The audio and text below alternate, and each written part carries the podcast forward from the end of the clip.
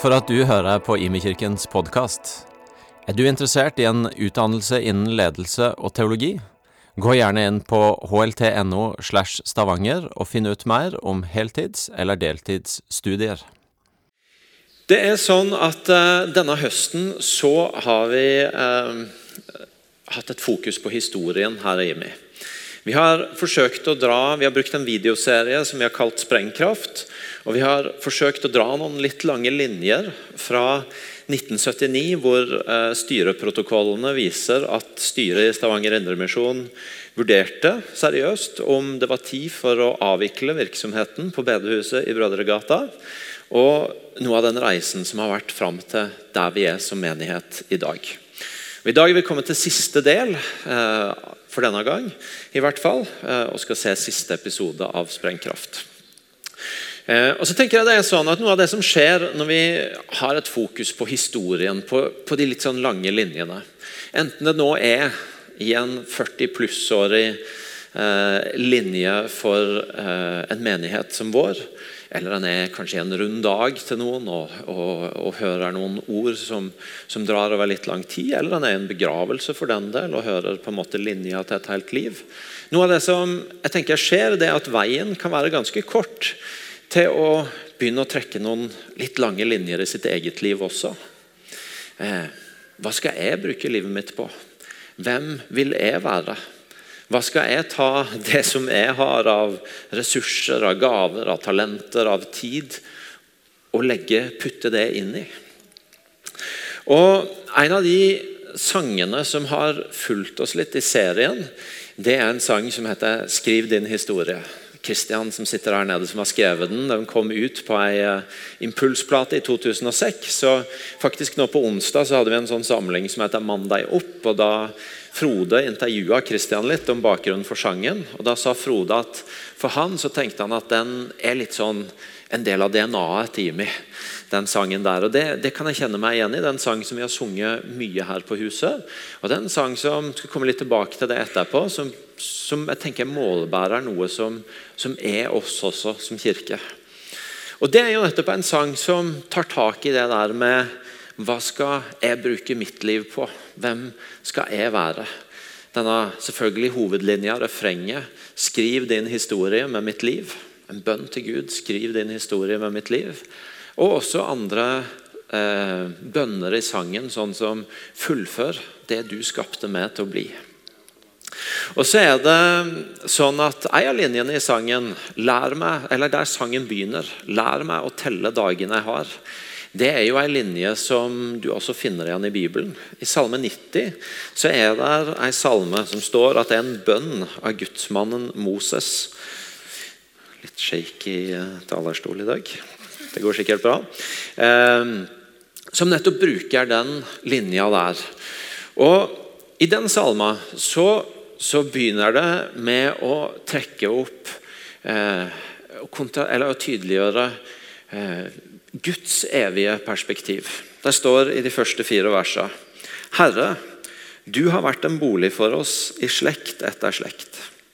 Før fjellene blei født, før jorda og verden blei til, fra evighet og til evighet er du Gud.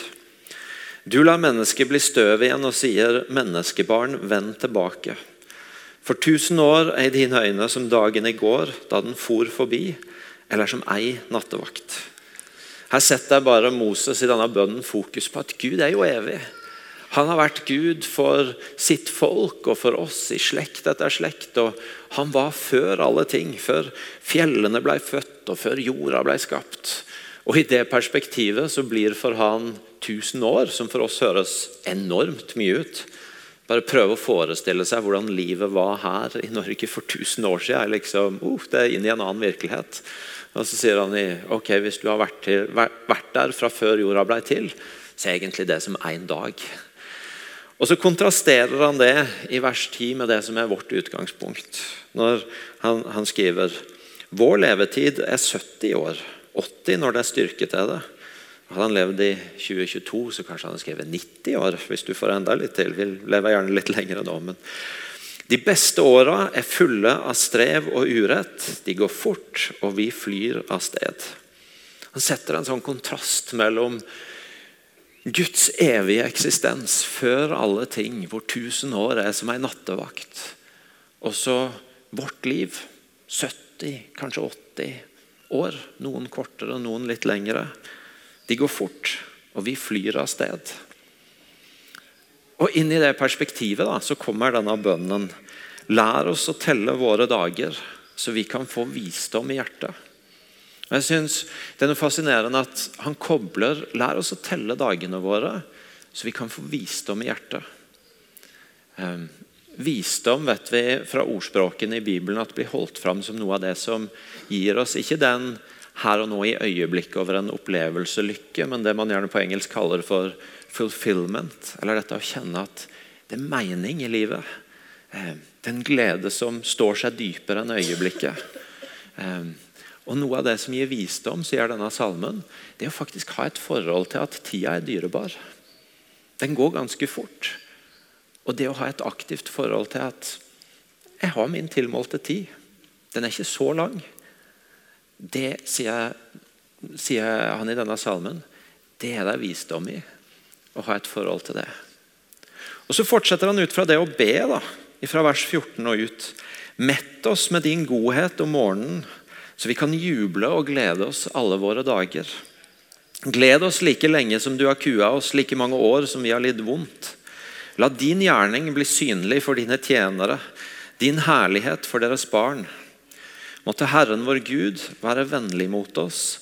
La våre henders verk lykkes for oss. Ja, våre henders verk, la det lykkes. Med det perspektivet at La meg få ha et aktivt forhold til at tida mi er dyrebar. Så, så ber han La meg få mettes av din godhet. La meg få se mer av den godheten som følger ditt liv, Gud. Og La meg få se din gjerning. La meg få se det du kan gjøre.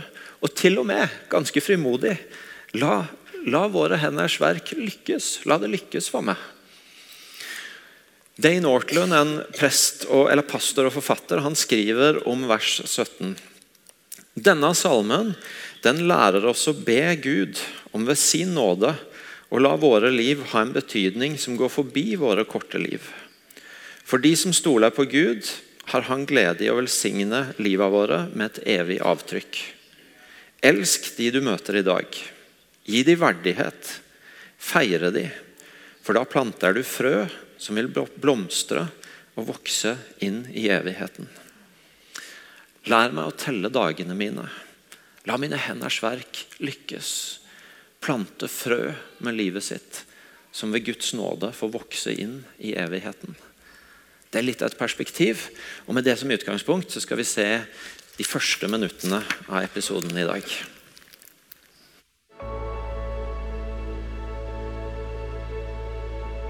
Jeg har bare opplevd at ting er ekte.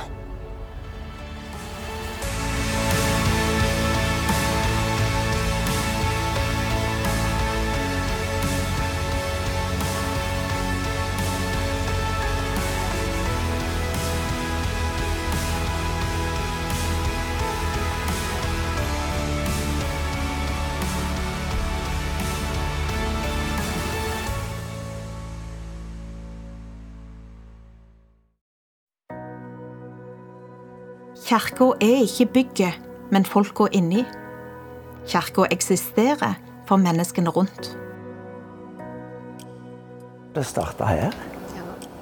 Eh, og det er klart, altså Hva ville mitt liv ha vært?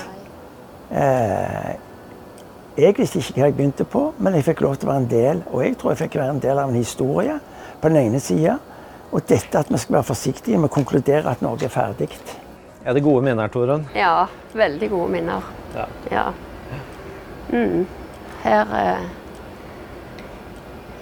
Ja. Her jeg tok imot Jesus, og her fikk jeg leve ut det livet etter hvert som tida gikk. Ja. Jeg var ganske ny kristen, så jeg ble tiltrukket og kom fra en DTS i UiO. Og, og, og, hadde den nye brannen i meg, så jeg søkte til de som brant. Vi syntes jo at, at kanskje kirka var litt for rolige. Vi, vi, hadde samme iver på en måte, og brann som gjorde at vi fant sammen. Mm. ja, så handler det nok mye om at vi ønsker å bruke livet vårt på noe som betyr noe, som er meningsfullt, og som, som uh, er verdifullt for andre. Og Da må du finne det miljøet hvor du tror at det her uh, kan du både bruke dine egne ressurser, og du kan få stå sammen med andre som har akkurat den samme interessen og det samme initiativet og drivet. I din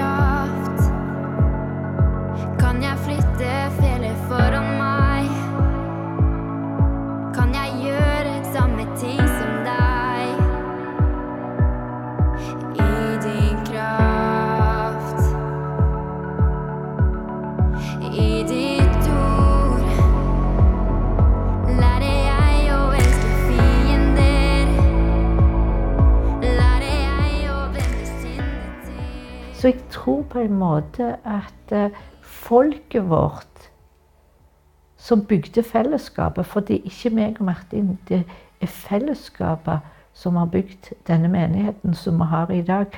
Så ville det samme, så ønsket det samme. Levde òg med sine smerter. Så vi hjelpte først til hverandre. Og lytta og ba. Og snakket og grein med hverandre.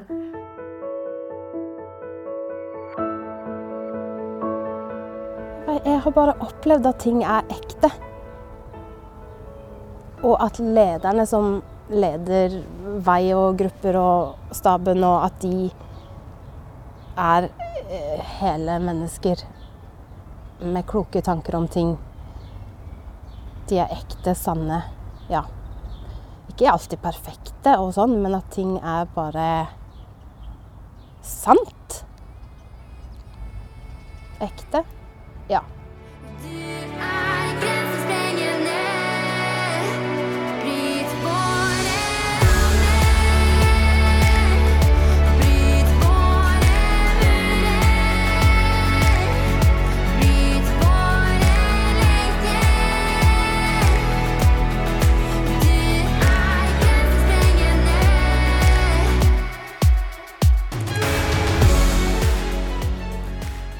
Nei, altså jeg har eh, alltid hatt en sterk tro. Og jeg har alltid på en måte takla den litt sjøl og litt alene, følte jeg. sant? Fordi at jeg, eh, jeg eh, har delt med mange gode venner, og sånn, men jeg fant ikke et rom der jeg ville være. liksom, Og jeg følte meg på en måte Jeg, jeg trivdes for så vidt i, i kirken, men, men, men, det var ikke hjemme hos meg sjøl. Liksom. Jeg vil være hjemme med de jeg elsker. og, og så Derfor så blir det jo at du går mindre, og, og du, du, finner ikke plassen. Så, så, og, og, dere var kanskje en sånn en plass der det var sånn enda mer døll og kjedelig, og spesielt enn den andre gjengen, på en måte. Så jeg tenker sånn eh, Altså, du kan jo ikke tenke sjøl hvordan sjokket ble vet du, når jeg kom opp på G18 første gang. Altså, jeg bare sånn Oi, nå fikk jeg frysninger. Ja. ja du snakker om å You, ha, you, had me on hello. Altså, you had me on hello. Ja, for hva skjedde? Hvorfor eh, dukka det opp allikevel? Nei, jeg eh, husker veldig godt eh, du, du, kom gående forbi her, faktisk. Jeg satt i påsken, så sa du 'kom, kom opp', liksom. Eh, og, og, det var Altså, det er helt sykt. Jeg får frysninger hele tiden nå. Altså, det var, det var, det var bare Altså, det var påsken som er på en måte òg oppstandelsen. Så det er jo veldig mye Det er mye styrke fra før der. Men å komme inn i det rommet og bli sånn tatt imot med, med den Altså den gleden. Og det er òg på en måte at, at dere adresserer at Dere snakker til meg. Dere snakket til meg. Jeg, dere, altså Imi snakket til meg. Jeg, var, jeg var kommet hjem.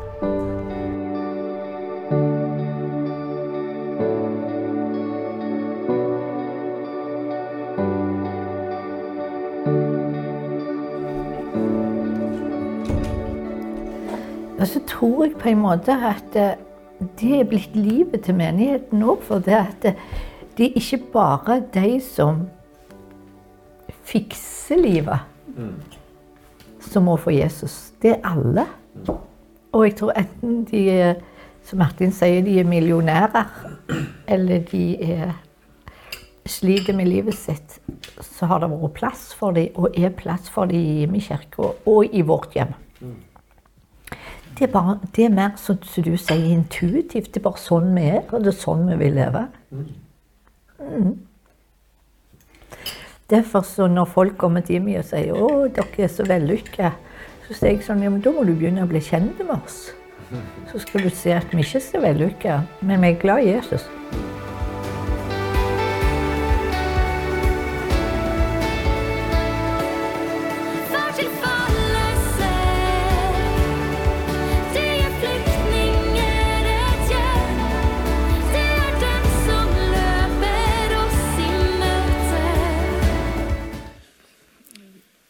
Vi har sett at eh, det å ha et fokus på hva skal jeg bruke mitt liv til, hva skal det bli, det, ikke, det trenger ikke bare å være sånn moderne selvhjelpsgreie om å bli den beste utgaven av seg sjøl, eller et eller annet sånt, men det kan faktisk eh, tas inn i et bibelperspektiv, i en bibelsk bønn. Lær meg å telle dagene jeg har. Og så tenker jeg at i det perspektivet så er det eh, i hvert fall et par ting som kan være verdt å reflektere over, og som kommer ganske godt fram både i det vi nettopp så, og i eh, noen perspektiver i Bibelen. Og Det ene er jo at vi lever i ei tid som har en sånn ganske sånn grunnleggende individualistisk tone i seg. Hvor det er veldig lett at et sånt fokus blir veldig tungt på oss. Hva skal jeg gjøre med mitt liv? Hvordan skal jeg bruke mine ressurser? Hva må jeg gjøre for at livet mitt skal bety en forskjell? Og så eh, kan det for noen høres veldig frigjørende ut, men så er det som filosofen Sigmund Baumann har skrevet, at når vi tas fri fra alle de bindingene til andre, så blir vekta, tyngden som ligger på den enkelte, så tung at den for noen er for tung å bære. Og i denne teksten, I denne eh, delen av episoden som vi så nå, så hørte vi noen ting. Vi hørte Martin si 'Hva hadde mitt liv vært?' Og så synes jeg Et av de morsomste øyeblikkene i den historien er når Torunn rister på hodet og sier nei.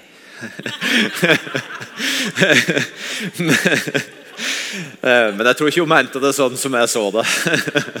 Ikke sant, Torunn? Jeg ser du sitter baki der. Eh, Martin sier, 'Hva hadde mitt liv vært hvis ikke jeg fikk være en del av en større historie?' Vi hører Randi si at søk, vi søkte mot de som brant.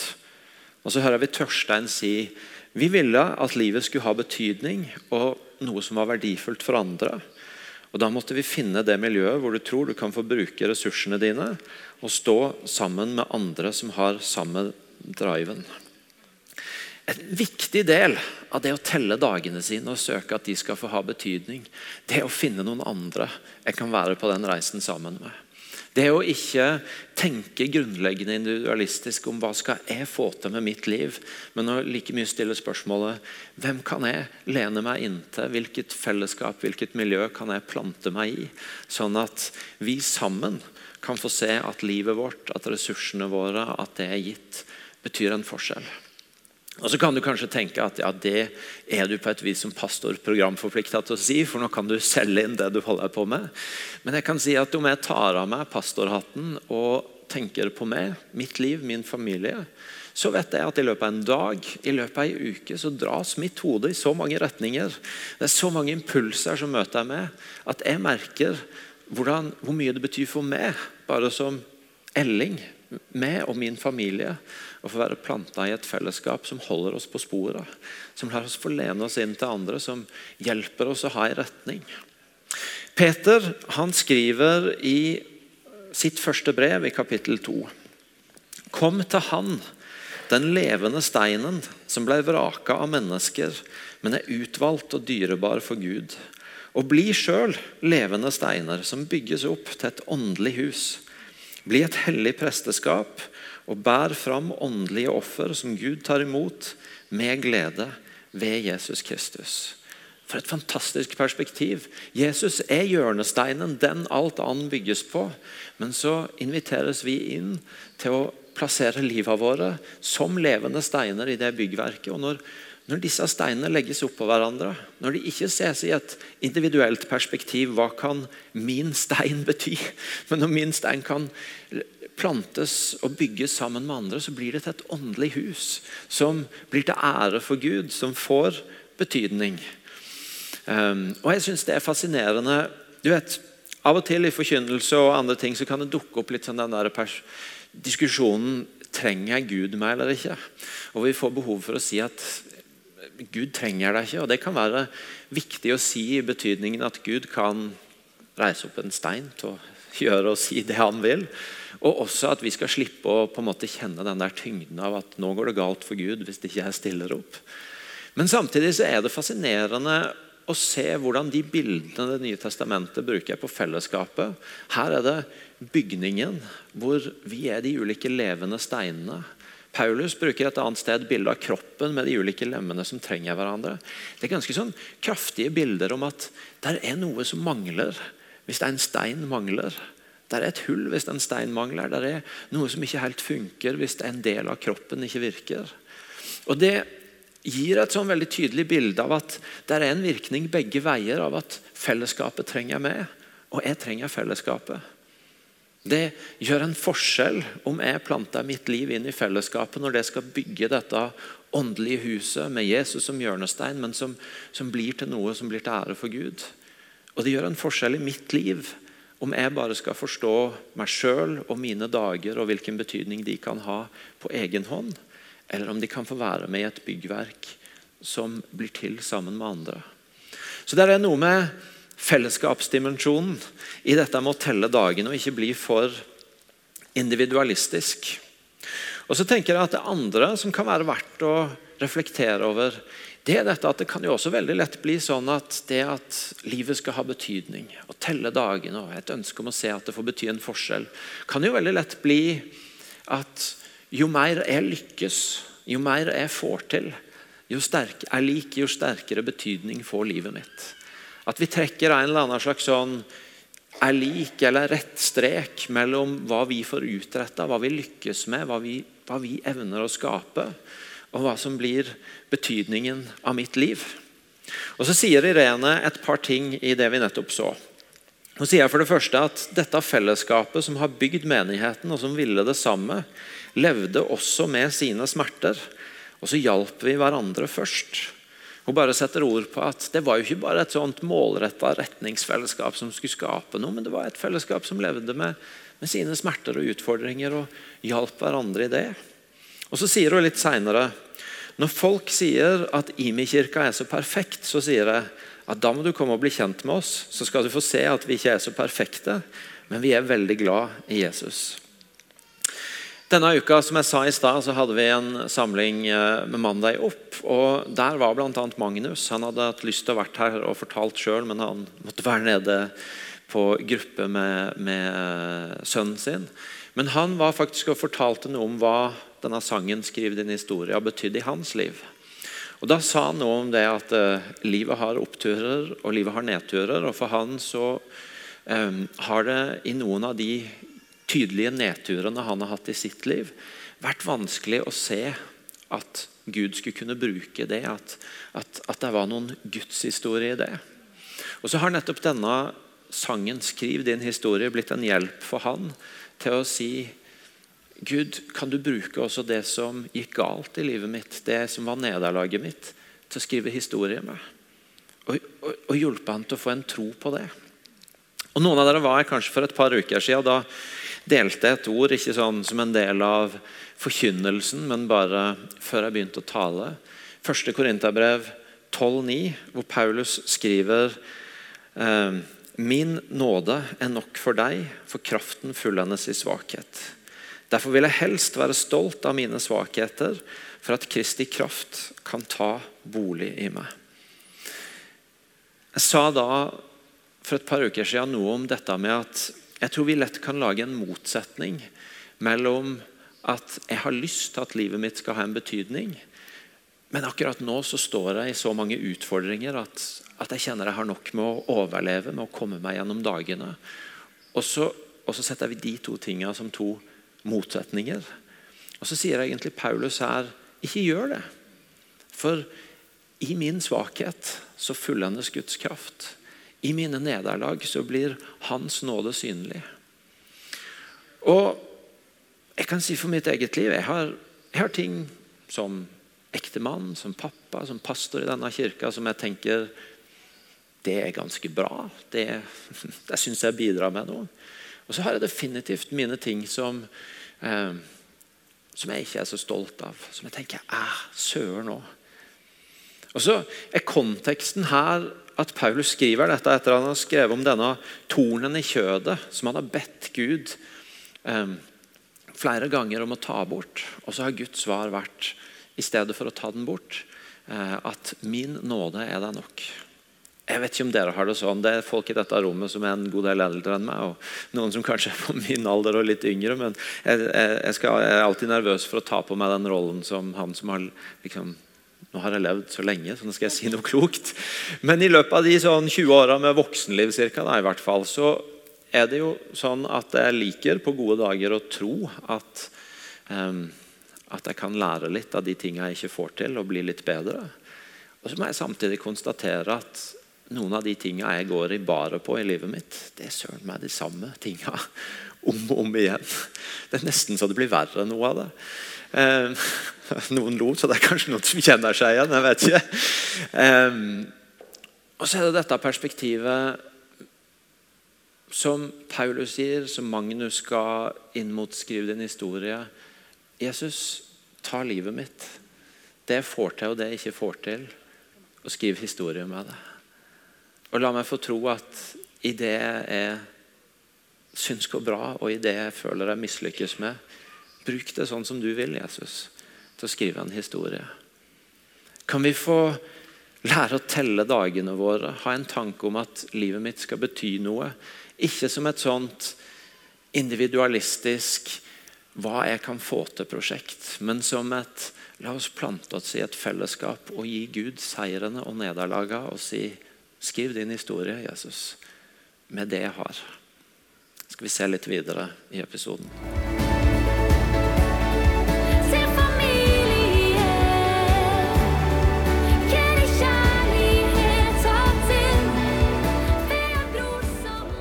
Si litt om ditt forhold til Martin. Ja, vi skulle nesten tro vi var sånne barndomskamerater eller omgangsvenner. Det er vi jo ikke. Eh, Men for meg så er det sånn eh, Martin eh, har en spiritualitet som treffer meg veldig dypt. Det er sikkert noe gjenkjennelig, men det er noe i det apostoliske, profetiske, men det er også noe i det evangelistiske som ligger der. Eh, og det, det er noe for meg Det har liksom hele tiden vært sånn Det er godt at Martin fins. En slags sånn En å speile seg i, en å lene seg mot.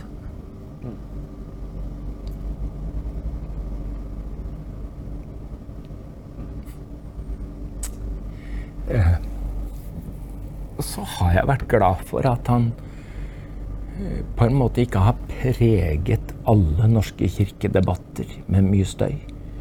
Eh, Jeg vet ikke alt hva Martin mener om alle ting. Men det som bygges i og ut ifra IMI, det svarer for seg sjøl. Og istedenfor å sende mye støy samtidig, som gjør at jeg må ta stilling til er jeg enig med Martin i det, er jeg enig med det, er jeg enig med det, så er det noe med at uh, jeg har sånn utrolig respekt for hva han og hva Immi representerer. Og det tror jeg har med spiritualitet å gjøre også. Det er noe som treffer min dialekt.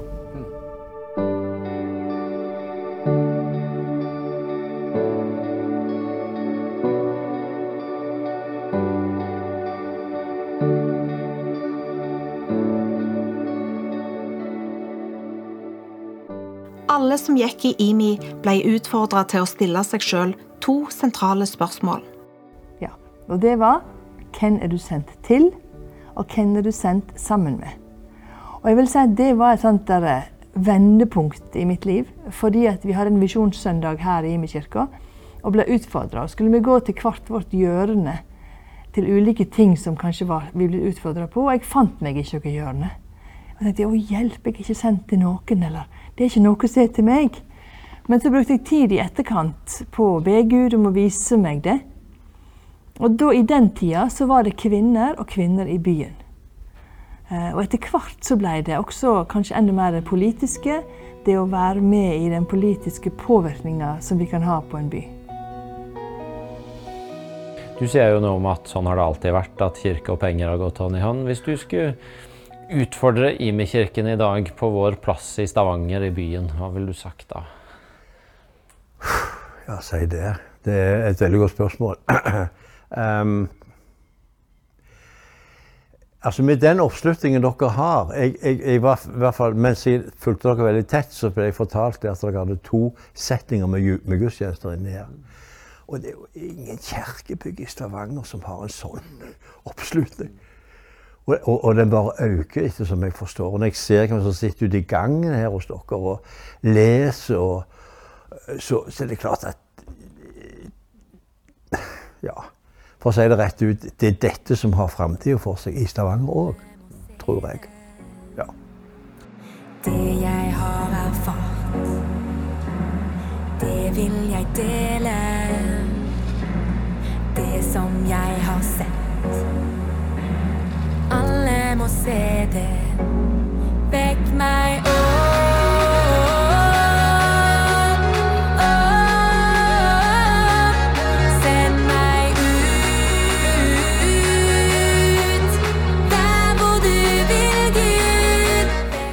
Folk ja, hva tenker om alle som skjer? «Øy, Har det skjedd noe særlig i IMI, da?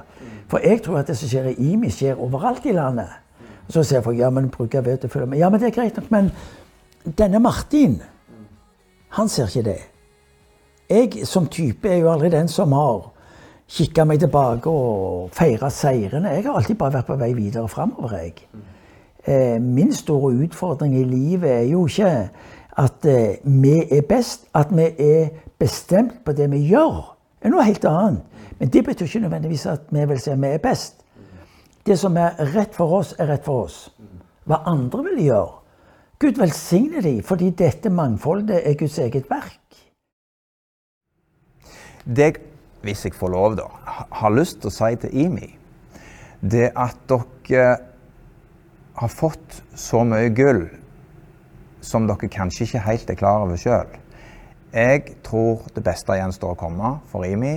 Våg å dele det dere har fått, fordi det kommer til å bli en enormt stor velsignelse, ikke bare for oss i Norge, men òg ut i den store verden. Så jeg heier på dere. Det er kanskje denne balansen mellom hele tiden være grensesprengende, våge å ta nye steg, eh, ta litt sjanser, fortsette å være litt sånn frampå stolen. Eh, Visjonære som dere er. Eh, og, og, og passe på at man nå ikke kommer inn i en sånn fase. Nå må vi ta vare på, nå må vi bevare, nå må vi passe på. Det, man kan fort komme i en sånn litt sånn eh, Men det funker jo ikke for Jimmy. Det, ikke sant? Altså, det er noe det er noe når et fotballag leder 1 og 2-0, liksom, så skal man liksom ta vare på det. da. Ja, noen klarer det, men, men jeg, jeg håper at dere klarer å være visjonære, grensesprengende også i tida som kommer, så- sånn at vi blir litt overraska. Og at vi blir litt sånn Er det mulig? Tør de, tør de det? For jeg tror at dere har så djup kjøl. da. Jeg tror dere er så solide. Dere har holdt på så lenge, dere har flere generasjoner, dere er solid forankra i ordet, i teologien. Dere tåler litt vind, altså. Ja, jammen. Det gjør dere. Det. Sett, full, sett fulle seil og kjør på. Hva kan vi kalle det for? En relevant tro som er knytta opp til livet i dag. Uh, ja, veldig, veldig åpent rom for, uh, for um, sånne som jeg. jeg. Du vet alltid, du kjenner jo kanskje noen ganger på at du ikke er god nok i livet, eller at du ikke passer inn, eller at, det, at du ikke er sånn som de andre. I meg får du være deg sjøl. Det er bra.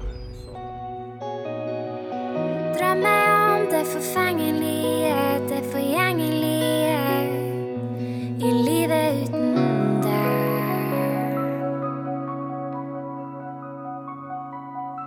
Men jeg vil ha noe mer. Jeg har sett noe større, noe bedre.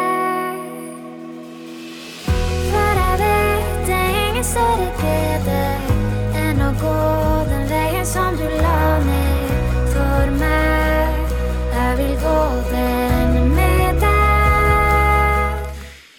jeg skulle ramme inn denne serien i starten, så eh, sa jeg noe om eh, dette rådet jeg fikk når jeg begynte å lede IMI, hvor en sa til meg lær deg å verdsette det du ikke har betalt en pris for. Og Jeg har gjentatt det noen ganger, dette her med å få et forhold til den vandringen som har vært, for å ha en forståelse og en verdsettelse av hva vi har. Jon Arve han sier i det vi så nå, at jeg har lyst til å si til IMI, hvis jeg får lov, at dere har fått så mye gull som dere kanskje ikke er klar over sjøl. Jeg tror det beste gjenstår for Rimi. Våg å dele det dere har fått, for det kommer til å bli til enormt stor velsignelse. Det samme som jeg har sagt nå til oss som enkeltmennesker, det kan vi på mange måter også anvende på oss som menighet. Vi kan stille oss de samme spørsmålene. Hva, hva gjør vi med det vi har fått i hendene?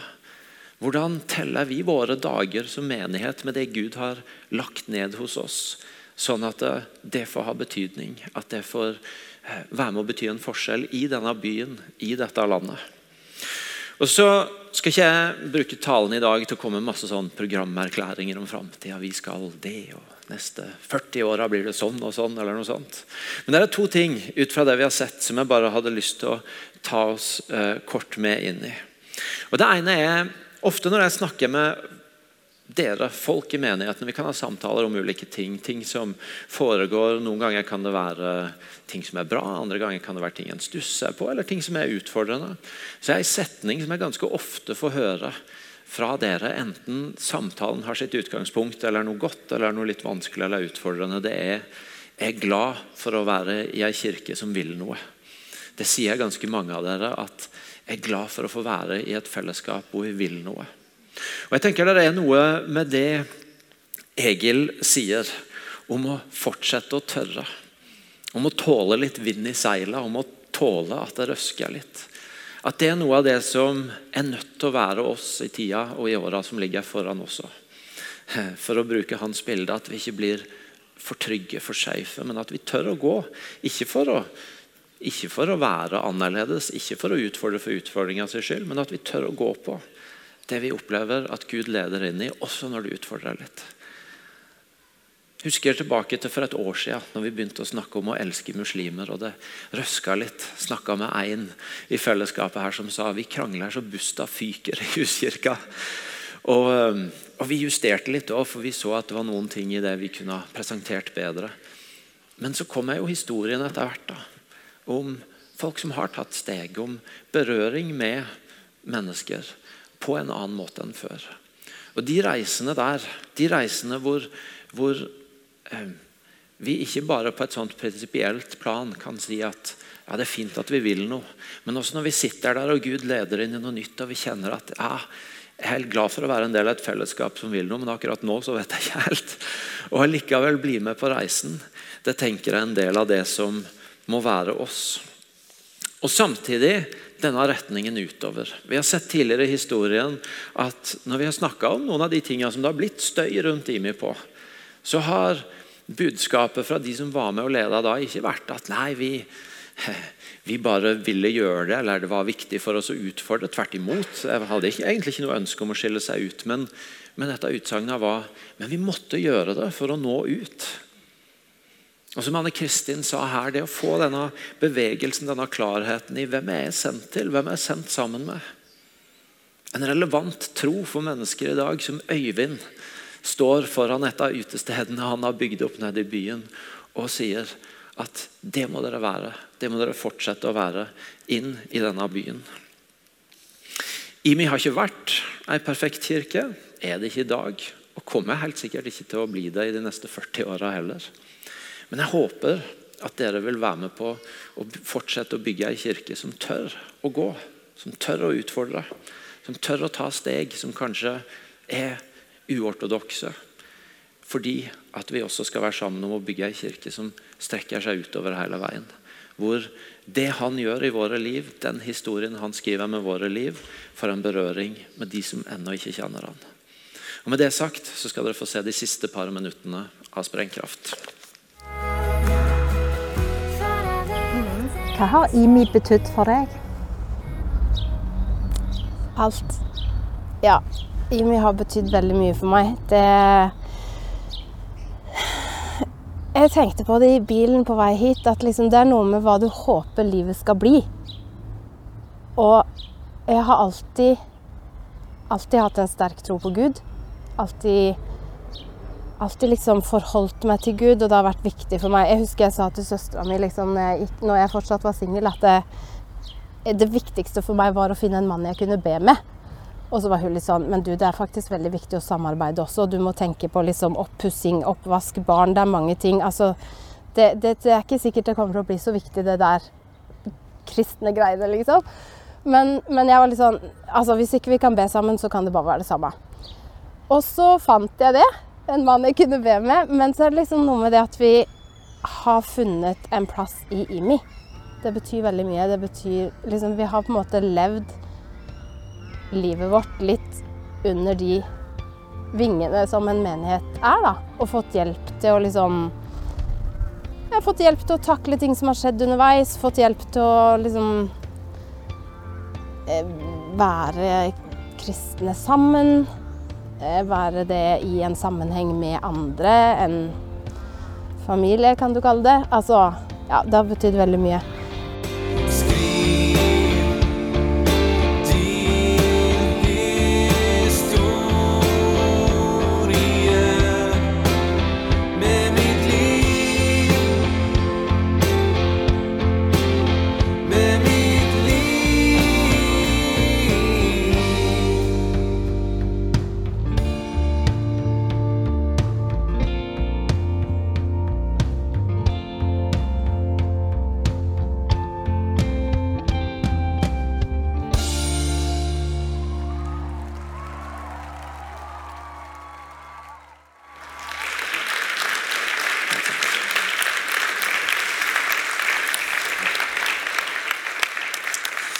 Reise oss opp og be sammen?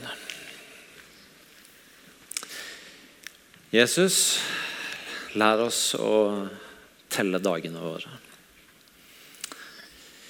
La oss få eh, ha et eh, aktivt og vist forhold til at eh, livet du har gitt oss, og tida du har gitt oss, den er dyrebar.